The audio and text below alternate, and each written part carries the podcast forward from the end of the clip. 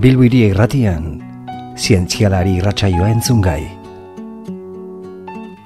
Universidad País Basko Euskal Herriko Unibertsitateko Kultura Zientifikoko Katedrak eta zenbat gara elkarteak elkarlanean prestaturik.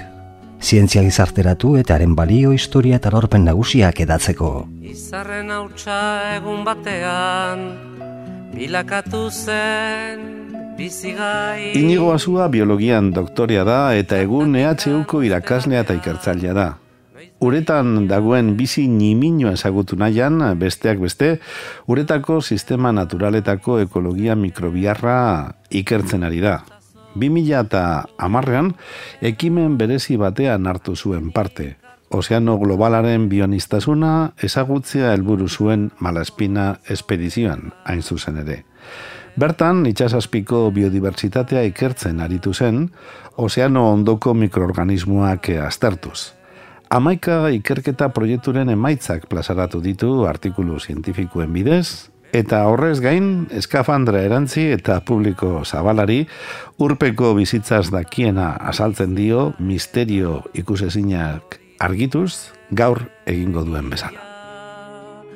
Ekin ta ekin bilatzen ditu, zaiatze hortan ezin gelditu, jakintza eta argia, bide ilunak nekez aurkitu, lege berriak noiz baiter ditu.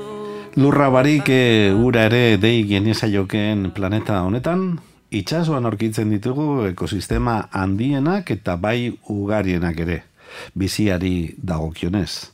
Alabaina, amaika arrazoi direla kauza, nahiko ez ezagunak gertatzen zaizkigu urra azpiko izaki bizidunak, bai handiak direnak eta bai asko txikiagoak direnak ere.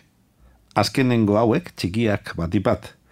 Hain zuzen ere, gaurko saioan itxasazpiko, itxasazpiko mikroorganismoak ezagutzen hasiko gara eta haien garrantziaz jardungo dugu inigo azua biologo eta ikertzailearen eskutik gurekin dago, agurtu egingo dugu, kaixo, inigo? Kaixo. Mila esker gurera etortzeagatik. Mila esker zuen gonbidapenagatik. Eta lehenengo bat, e, e, lehenengo bat, argi, argiztapen bat, e, malaspina espedizioan parte hartu zenuen, hor, zehazki zer egiten zenuten inigo? Bueno, egia zan, e, pixka bat, ahaztuta daukat, e, zera, ba, lana, antxe, itxasontzian, egin nuen lana, baina gero hortik atea dira e, maitzak edo datu batzuk hain tratatzen gaudenak. Zer egin genuen, ba, batez ere mikroorganismoak aztertzea, mikroorganismoak zeintzuk diren, zein den mikroorganismoen dibertsitatea, zer egiten duten, zeintzuk diren haiek betetzen dituzten e, prozesu metabolikoak edo prozesuak, eta gero zaiatzen gara informazioa teatzen mikroorganismo hauetatik, ba, informazioa agian interesgarria izan daitekena ba, antibiotiko berriak ekuisteko edo energi berriztagarri berriak sortzeko edo gauza desbernietarako. Beraz, e, lan asko egin genuena itsasoan, ba, hori pentsatu izan zala zirkunnabigazioa, beraz, azpi jabeteko e, lana, antze e, itsasontzi batean, eta gero hortik atera diren e, laginak oain e, begiatzen gauz, edo datuak begiatzen, eta bar. Lan, interesgarria. Benetan. Bai, oso interesgarria. Gainera, aukera eman e, zidan, niri, ba, ozeanografian erlazionaturiko edo beste arluetako jendearekin kontaktuan e, jartzeko eta gauza desberdinak bai guke ikasteko. Eta hori beti da aderazgarria, ezta? Bai, Disiplin bai. arteko tasuna beti da aderazgarria. Hori da. Bueno, ba, guazen itxasazpiko mikroorganismo oien gana. Bai. E, bizia, nik eh, natur zientzietan esaten zitzaien den. Bai. bizia itxasoan e, sortu zela, e, irakatsi zidaten. Noiz eta nola gertatu zen hori, eta zer dakigu horretaz holan gainetik azalduta inugu? Bai, bueno, egia zan, zaila da benetan zehaztea, nun agertu zan e, bizitza eta bar, baina, bueno, teoria desberdin artean badago bat, batez ere, neok esango nuke, ba, ez dakit modan edo e, gehienoke pentsatzen duguna, eta hori izan daitekela, ba, benetan bizitza itzazoan e, agertu zan bendabizi, duela iru mila eta bosteun milioi urte. Iru mila eta bosteun, pentsa dezagun. Bai, eh? bai, bai, bai, bai, bai, bai, bai, bai. dezagun. Bai, hiru mila eta bosteun milioi urte. urte. Ba, pentsatu ba ez dakit gizakia agertu zara duela ba, urte batzuk edo milioi pixka bat Ba, bakarrik orduan gutxi pentsatu eta- planeta hontan batez ere ba, egon den bizitza beti egon den bizitza izan dela bizitza mikrobianoa ba, bakterio edo alako mikroorganismo bat bezalakoa pentsatu behar dugu e bai alako izaki bizidunak oso erresistenteak direla. Ba, guk azken finean behar duguna dala ba, oxigenoa, ba, presio basua, e, gauza batzuk e, behar behar ditugu. Eta mikroorganismoen munduan badao denetarik batzuk ba, elikatu egiten dira e, eguzkitik beste batzuk elikatzen dira. Ba, guk moduan ba, ez dakit, indabak ejaten beste batzuk ba, metaletatik e, elikatzen dira. Orduan pentsatu behar dugu, ba, benetan halako mikroorganismoak oso erresistenteak dira, batzuk kapasa dira oso temperatura onditan bizi izateko eta pentsatu behar dugu, ba, planetan e, bizitza agertu zenean, ba, baldintzak oso desberniak zirela. E, oain dauden baldintzekin konparatzerakoan ez dauka zer ikusirik. Ba, egia zan, e, benetan planetan ez zegoen oxigenorik, beraz, lehenengo izaki bizidunak e, oxigeno barik, ba, haiek e, bizi izan ziren. Eta gaur egun badaude alako izaki bizidunak oxigeno barik e, azten direnak eta bizi direnak, eta horiek dira mikroorganismoak, ez dago beste izaki bizidunik. Oso temperatura altuak zeuden planeta hontan, egun eta piko grado zentigradotakoak. Gaur egun badaude hemen planetan e, ingurune natural batzuk zeinetan alako baldintzak betetzen diren. Egun grado zentigradotako urak ateatzen dira Bai. azpide hidrotermaletatik edo geiserretan. Aha. Alako lekuetan be bai badaude mikroorganismoak eta segurazki ba, bizitzaren jatorrian e, edo bizitzaren e, nola esan lehenengo bizidunak eta gaurko alako mikroorganismoak nahiko berdintsuak izan daitezke. Gero, gainera, inigo hortik beste, e, hitz egiten nahi zinela, beste pensamentu bat etorri Bai. hau da, orain dela, e, ondo zate duen, eh? Irun mila eta bosteun milioi urte agertu baldin baziren lehenbiziko izaki bizidunak, Bai, bai. eta gu askoz berantiarragoak baldin bagara, eta gu hainongi moldatu bagara lur gaineko bizimodu eta bizitza honetara, jo, ba, zer esanik ez, mikroorganismo horiek nola moldatu hori, diren, ez? hori da, azken finean e, benetan pentsatu beharko genuke hementxe zeo zer guk aldatzen baldin badugu eta neok beti hori e, uste e, kontzientziazioa e, garatu behar dugula. Ba, guk e, jende asko bizi gara planeta hontan eta egia zan ba, askotan ez garela konturatzen ba, benetan planeta guk zaindu behar dugula. Guk zaintzen baldin ez badugu, azkenean Bai. desagertuko garenok edo desagertuko diren lehenengotako batzuk e, gu izango garela, azken finean. Ahulenetakoak gure- garelako? Hoize da, ba, bakterioentzako ez dago arazorik. Haiek kapasa dira, ba, nido karboniko askoren presentzian bizi izateko. Temperatura honditan bizi izateko. Baina hementxe daukagu eh, aldaketa edo klima aldaketaren eh, arazoa, arazoa segurazki guretzako oso oso larria. Segurazki mikroorganismoentzako ez da izango hain larria. Edo gutxienez larritasun basuagoarekin gertatuko dala. Jo, benetan, datu benetan, Bai. Dena den hor, e, itxaz, e, bada kontu bat, niri, e, e, ez dakit nola esan, e, onartzea edo kostatzen zaidan oraindik ere. Osea, nola, ego, nola izan daitezke izaki bizidunak maila berekoak edo nola baiteko sistema berekoak, balea bat eta bakterio bat, eta biak izaki bizidunak zelako, diversitatik karagarria dagoen bizidunen artean, ez da? Hoize da, azken finean e, evoluziogatik e, alako e, izaki bizidun zelula bakar batetik ja sortu ziren gauza desberdinak hauen artean. Multzoak. Hoize da, ba, zelula batzuk elkartu egin ziren, alako izaki bizidun eukariotikoak guk bezalakoak edo landarek bezalakoak. Baina hori izan zen, ba hori, ba, e, bakterio edo prokarioto batzuk elkartu egin ziren. Osea, metaketak izan dira. Da, hori da, hori da, hori da. Eta Orduan, metaketa, azkenean- metaketan, hitzak balio badu, eh, Hori da. funtzio berriak sortu dira, eta Hori espezializazioak. Eta halako elkarketa kapasa baldin badira, ba, inguru girora moldatzeko, jarraituko dira lehen zeudenak alako mikroorganismoak eta agertu diren izaki bizidun berriak. Aha. Baleak, arrainak eta bar, baina horiek ba, duela gutxi agertu ziren. Gu, duela gutxi. Baina mikroorganismoak eh, hori ba, planeta honetako bizitzaren eh, Bai. zea, ba, hasieratik eh, datoz. Beraz hor beste pensamentu bat egin beharko genuke ia zuzen nagoen, eh? Bai? Arrainak, esaten dugunean, adibidez, demagun bizigua, bi hori beste gustatzen zaigun arrain hori. Bai. Bizigua esen bizigu sortu, baizik eta prozesu evolutibo baten ondorena izan zen bera, ezta? Ho- Hori da, hori da. Azken finean, prozesu evolutiboa da. Askotan, ba, jendeak evoluzio hitz egiten duenean, hori, Darwin e, burura etortzen zaigu, eta pentsatzen du, ba, bueno, benetan, gizakia tximinotik dator ez. Tximino, tximinoa nundik dator. Atzerantz jun beharko ginateke, eta gaur egun onartzen da, badagoela lehenengo izaki biziduna, Proto- Luka izena daukana, eta hortik ja ba, banaketa bat gertatu zen, alde batetik bakterioa jun ziren, eta beste aldetik beste lerro dakit filogenetikoa edo ibisedunen e, multxo bat. Gero beste banaketa, eta antxe barandu egin ziren, ba, bakterioak bezalako beste izaki bizidunak, arkeoak e, izenak e, dauzkatenak, eta gero ja eukariotoak. Gero ja landareak, animaliak, e, protozoak, Vale? Baina dana e, jatorri berdin batetik e, zera hasita. Eta hori bakterio edo arkeo bat bezalakoa izan zen. Hasiera gabe, hoize da. Bueno, bueno, beraz, eh, esaten duzu lurra planetan eh, bizia gehien bat mikroskopikoa dela.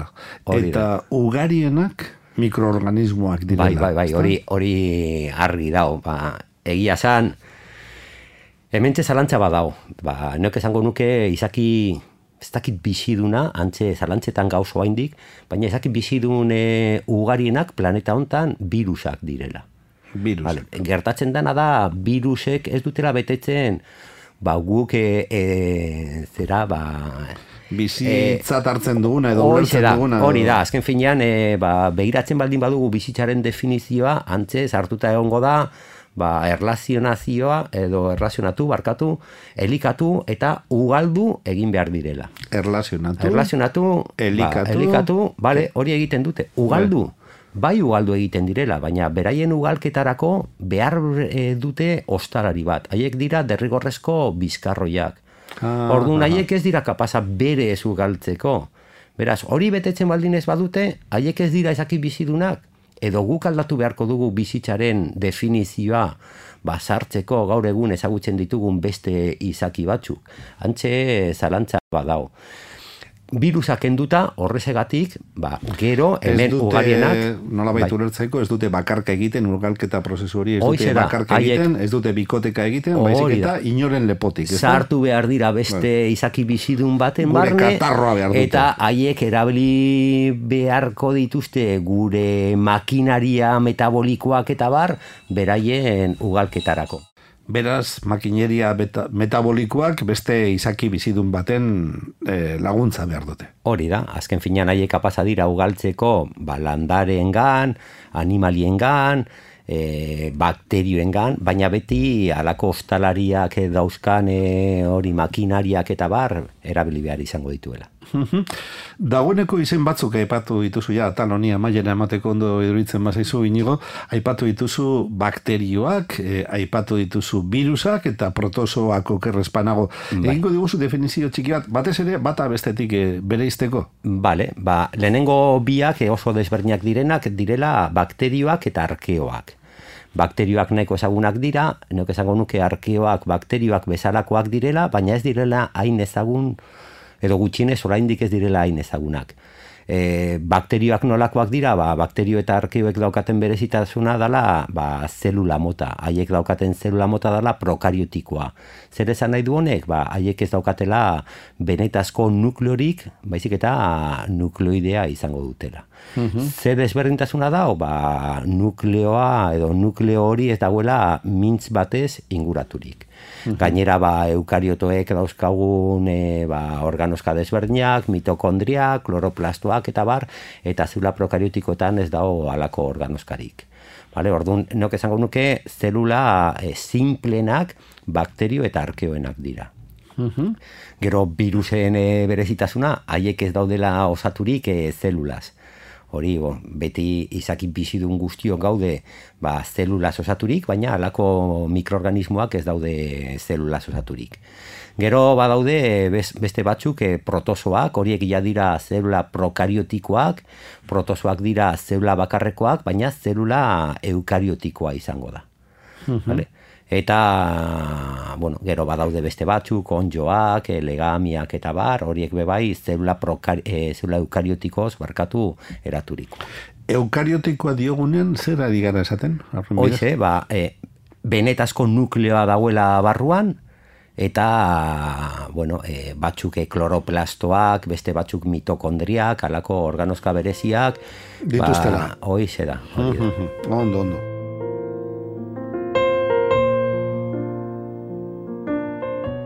Ederto, ba, bagoaz bigarren atal batera, bai. diren eta zeintzu diren asalduta gero, eta bigarren atal honetan inigo, e, itxaz mikroorganismoen eraginak eta astartuko ditugu, ipatuko ditugu pitxin batean. Eta lehenengo, lehenengo galdera da, e, ia behar bezala ezagutzen ditugun itxasuak sortutako ekosistemak.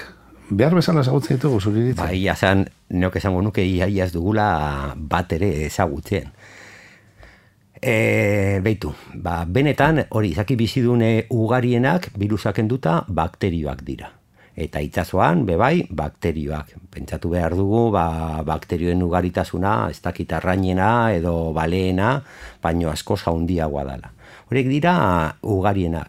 Zer ezagutzen dugu guk horretaz? Egia zan, bakterioak ezagutzeko, guk normalean e, isolatu egiten ditugu laborategian eta behin isolatu ondoren ba posiblea da ezagutzea zer egiten duen. Zoritzarrez, mm -hmm. arte erabilitako metodologia edo erabilitako teknike, teknikekin, barkatu, ba, itzazoko bakterio gutxi isolatzen dira. Orduan, eh, esan daiteke, gehienak oaindik ez daudela isolaturik eta guk ez ditugula ezagutzen. Zorionez, ba, bueno, teknika molekularren garapenari esker, ba, gehiago ezagutzen dugu, edo gutxienez, e, ba, guk bilatzen dugu informazio bat, ba, azido erribonukleikoan dagoena, eta hori erabiltzen dugu kronometro evolutibo moduan, jakiteko zein den erlazio filogenetikoa, edo, e, zea, ba, ia e, evoluzioan zehar, ba, ia, oize da ze parekotasun ba, daukaten. Hori da, hori da. Orduan, teknika hauekin gero eta gehiago ezagutzen dugu, baina oaindik ez dakigu, ez da zintxuk diren alako mikroorganismoen izenak. Eta hori pentsatu beharko genuke, ba, adibidez, animaliekin gu baldin bagoaz itzazora eta argi ba, begibiztaz kapazagara desberdintzeko zein den egaluzea, zein den e, bai, bai, legatza edo zein arraina. Bai. Hoize da. Baina mikroorganismoekin ez da hori gertatzen. Ba, mikroorganismoak ikusteko guk gutxienez mila aldiz haunditu behar dugu mikroskopio batekin. Mialdi zaunditzerakoan guk bakarrik ikusten duguna dala nolakoa den, morfologia edo bai, e, forma. Bai. Eta hemen txe, ere, bakterioak lau motatakoak dira. Borobilak, kokoak, ba, makia formakoak, horiek dira baziloak, gero espiriloak, alako ez edo zigzag eginez e, daukaten e, morfologia, eta gero bibrioak eta horiek dira koma bezalakoak. Mm Orduan, oso bakterio espezie desberdin daude, baina azkenean morfologikoki nahiko berdintsuak. Benetan bakterioen artean desberdintasun importantena ez da morfologia, baizik eta e, metabolismoa, haiek egin dezaketen prozesu metabolikoa, eta antze dau denetarik. Guk adibidez beti hori, ba, alako konposatu organiko batetik aterako dugu energia eta bar. Ba, indabetatik edo... Bai. Ba, badaude beste izaki bizidun batzuk landarek haiek beti energia eguzkitik ateatzen dute. Ba, bakterion artean, itzazoko bakterion artean, badaude batzuk guk bezala bizi direnak. Ba, indabetatik esan daiteke energia ateatzen dutenak. Badaude beste batzuk fotosintesia egiten dutena. Badaude beste batzuk, ba hori, metaletatik e, ze, azten direnak. Beraz, hemen denetarik dau. Behar bada, beraiek esplikatzen digute zergatik dauden landareak, zergatik dauden Bai, animaliak. jakina, jakina, Nolabait, jakina, eh, hoize da. Gure da. genesia hortik atera da, genezake, Alako bakterio fotosintetizatzaile batetik, segurazki, ba, algak, eta gero algetatik, landareak eta bar sortu egin ziren. Alako bakterio hori, ba, indabaz eh, elikatzen den bakterio batetik, ba, segurazki animaliak eh, sortu egin ziren. Benetan kurioso, eh? bueno, eta zertan eragiten digute? Ja, plano nahi bauzu formalean eta errealean eta e, bakterioiek, mikroorganismoiek, gizakioi zertan eragiten digute, inigo, eta ze eragin positibo eta negatibo e, dakarki dute. Bale. Neok esango nuke egia zan eragin positiboak izango direla ia ia guztiak. E, beitun, ba, benetan... mik- Baina ez horko profesionala zarelako? Ez, ez, ez, ez, ez. Baina pentsatu mikroorganismoak eh, desagertu egiten baldin badira, ba, gu berehala desagertuko garela. E, oain egin dezakegu gauza bat, arnaz hartu. Bale, arnaz honetatik erdia, ba, itxasoko bakterio batzuk sorturikoa da. Beraz, bakterio hauek desagertzen baldin badia, hementxe oxigeno agertuko, agortuko da eta gure bizitza be bai desagertuko dala. Beraz, eguratzean dagoen oxigenoa neurri handi batean da, itxasotikoa da. hori da. Wow. Edo beste ikuspuntu batetik. Oain daukagune arazo horrekin, klima aldaketarekin, arazoa dala batez ere guk e, zera erregaiak e, erretzerakoan ba, anio karbonikoa atmosferan metatu egiten dala, eta bale, anio karbonikoa atmosferan metatu egiten da.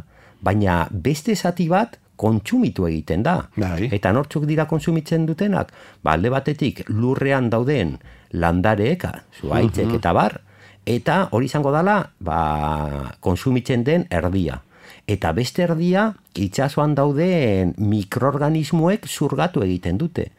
Beraz, berriro, itsasoko mikroorganismoak desagertu, anio karbonikoaren metaketa asko handiagoa izango litzateke, eta planeta honetako bizitza desagertuko litzatekela. Beraz, ikuspuntu desberdinetatik eh, mikroorganismoen papera beti guretzako oso interesgarria izango da. Ezinbestekoak ditugu eta ez diegu kasurik ere egiten. Hoize da, hori da, hori da. Eta ere gehiago, lek komentatu dizut, ba, azken finean mikroorganismoetatik be bai, gure interesarako e, ba, produktuak atera daitezke be bai, antibiotikoak, e, ba, energi berriztagarriak, eta bar, eta bar. Ba, badaude mikroorganismo batzuk, ba, itxasoko mikroorganismo batzuk, plastikoa degradatzeko kapasa direnak. Plastikoak dira oso eh, errekalzitranteak normalean, Bai. beraien degradazioa oso, oso, oso eta gogorra. prozesu luzea eta gogorra. Baina guk ezagutzen ditugu mikroorganismo batzuk zeintzuk kapasa diren horiek degradatzeko. Orduan, oain inbertitu beharko dugu dirua, benetan ezagutzeko nola egiten duen mikroorganismo honek eta ba, hori erabiltzeko. Edo badaude beste mikroorganismo batzuk, ba, plastikoak, plastiko biodegradagarriak sortzen dituztenak. Orduan, agian interesgarria da informazio hori ba, erabiltzea alako plastiko pizka bat e, ekologikoagoak e, egiteko. Badaude enpresa batzuk ja alako plastikoak erabiltzen dituztenak, baina zenbat eta gehiago ezagutu ordun eta e, errezagoa izango dala guretzako ba, hemen planeta hontan e, bizitza, ezta? Urrengo galderari nolabait erantzun diozu, ja, ze, urrengo galdera zen zertan eragiten diguten, euneko eunean az- azaldu diguzunez, eta zertan eragiten diegun. Bai, Eh, bai. Beraiek baino okerrago portatzen gara, ezta? Haiek gurekin baino gu haiekin, ezta? Egia zan, e, askotan e, guk botatzen dugun edo ditugun e, kutsatzaileak adibidez itsasoan bukatzen dira. E, Malaspina espedizioan hori kuantifikatu genuen eta ikusi genuen ba, benetan itsasoan e, dauden kutsatzaileen kontzentrazioak altuak direla eta oso kutsatzaile desberdinak. Azken finean kutsatzaileak guk e, zea, lurrean sortzen edo erabiltzen ditugu. Baina normalean e, itsasoan bukatzen dira. Plastikoak, ba, Malaspina espedizioan beba ikusi genuen, ez daki Bai. zenbat e, orbain dauden ba, itsaso edo ozeano desberdinetan. Ba, mala espina egin arte, ba, pentsatzen zen, alako orbain handi bat zegoela bare ozeanoan, baina guk ikusi dugu bebai hori Atlantikoan gertatzen dela, ba, ego Atlantikoan edo Indikoan bebai, Orduan pentsatu behar dugu, ba, azkenean guk e, sortzen dugun kutsadura edo kutsatzaileak bukatzen direla Antxe, itxasuan. eta Beraz, eta... e, mikroorganismoentzako gu nahiko kaltegarriak dira.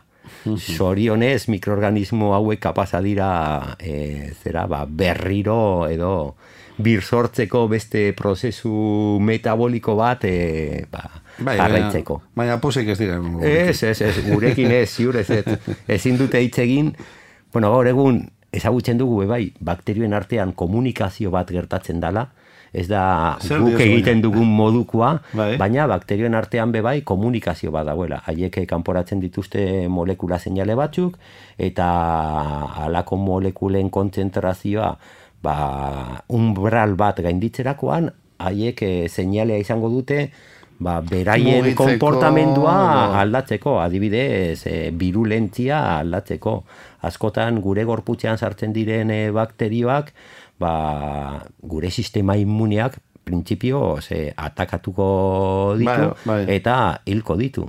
Baina haiek oso listuak dira.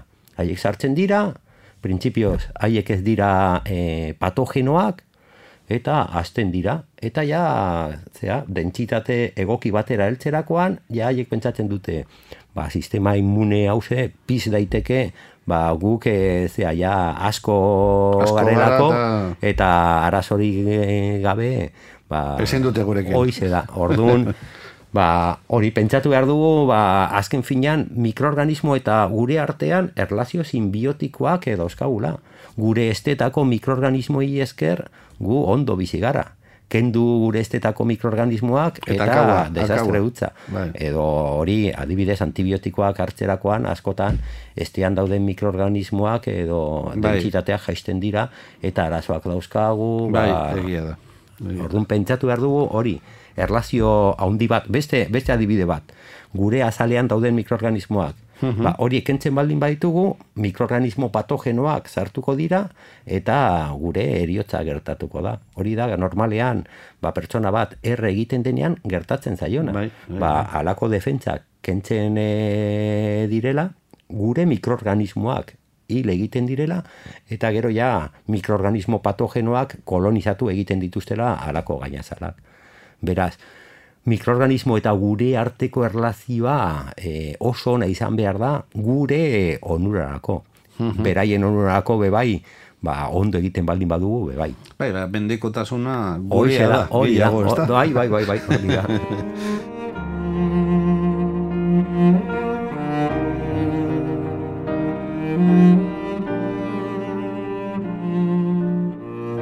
Bueno, ba, guazen azken atalera, Bai. eta hor ikusten dute, bueno, ikerketa, den ere aipatu dugu ikerketa asko egin eh, dituzula, eta, eta ikerketa horietako batean, pompa biologikoa aipatzen eh, duzu, horietako batean. Bai. E, kontatuko dugu mesedez, zer den, zer Bai. deritzagun.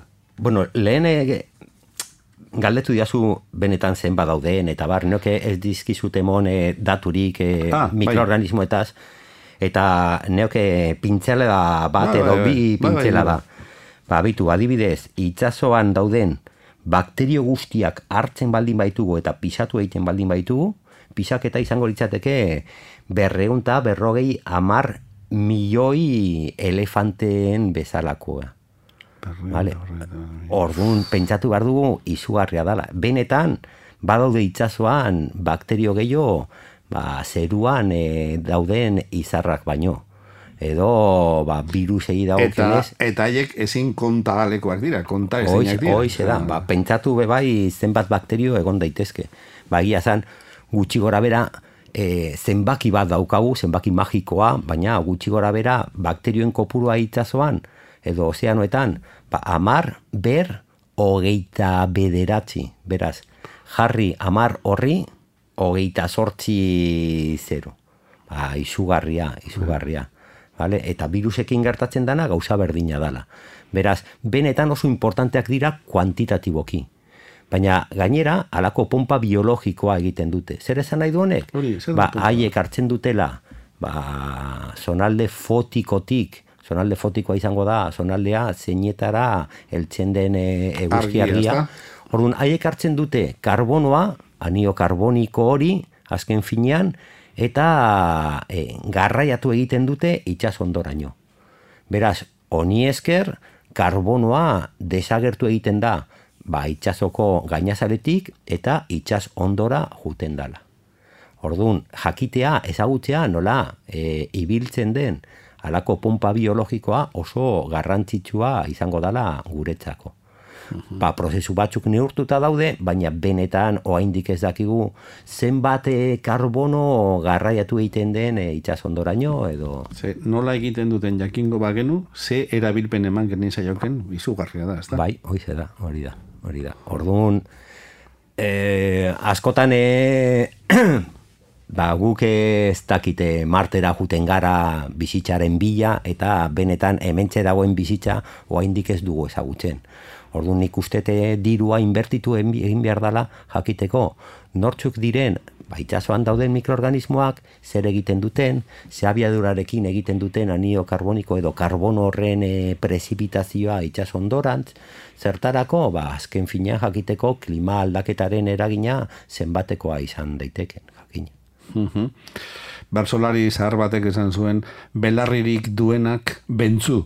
Entzun dezala guk hori Hori- da, hori da, hori da, hori da. Inbertitu dezagun, Hori da. utzizagun armak eta lako puñetak alde batera, eta da. dezagun bizian, ezta? Eta biziaren, nolabait, garapena nola gertatzen den, eta zelako onurak etorri Bir planteatu beharko genituzke gauza asko, baina hauetariko bat ziur, ba, benetan dirua nun inbertitu, eta dirua ustete hori argi daukagula gutxienez, ba, zientzia arloan edo munduan ibiltzen garenak izango dela, ba, ikerkuntzan, ikerkuntzan, e, garapenean, eta bar, baina beste lekuetan dirua gastatzea nik uste ez daukala zentsurik eh, alako arazoak baldin badaude. Eta ere gehiago, ba, ikerkuntzan dirua gastatzen baldin badugu, agian, ba, zea, ba, gauza desberdinak garatuko direla. Gauza desberdinak esan nahi dut, mikroorganismoak bebai erabil daitezke ba, gure janarirako. Ez bakarrik haiek egiten dituzten prozesuak. Mikroorganismoak erabiltzen ditugu, gazta egiteko, jogurrak Bai, egiteko, egia da, egia ardoa egiteko, Bai, bai, bai. eh, ogile egiteko, Prozesu baina ez bakarrik eh, haiek egiten dituzten prozesuak erabiltzea, eh? Badago aukera bat, bebai, mikroorganismoak janari moduan erabiltzeko. Beraz, mikroorganismoak kultibatzea oso erreza da. Orduan, agian, e, ba, leku batzuetan ez dago janaririk, agian posiblea da alako mikroorganismoak erabiltzea benetan alako gozaria edo alako zera, txirotasuna, ba, munduan dagoen txirotasuna, ba, e, zabatzeko edo kentzeko, ez da? Ba, benetan, ba, ados gaude, hortan, eta berriro esango dugu, belarririk duenak bentzu. Hoize. Gustora jarraituko genuke, hemen erlogu, erlojuak aintzen du, seinalatzen ari zaizkigu ja Ondo, ondo. minutuak, hemen utziko dugu, baina, bueno, zer esan handia daukasunez eta oso gustora egon garen be bai. urrengo baterako gonbidatuko zaitugu. Ondo, gustora neube bai, orduan urrengo arte. Mila esker. Mila esker zuei. Agur. Universidad País Basko Euskal Herriko Unibertsitateko Kultura Zientifikoko katedrak eta zenbat gara elkarteak elkarlanean prestaturik.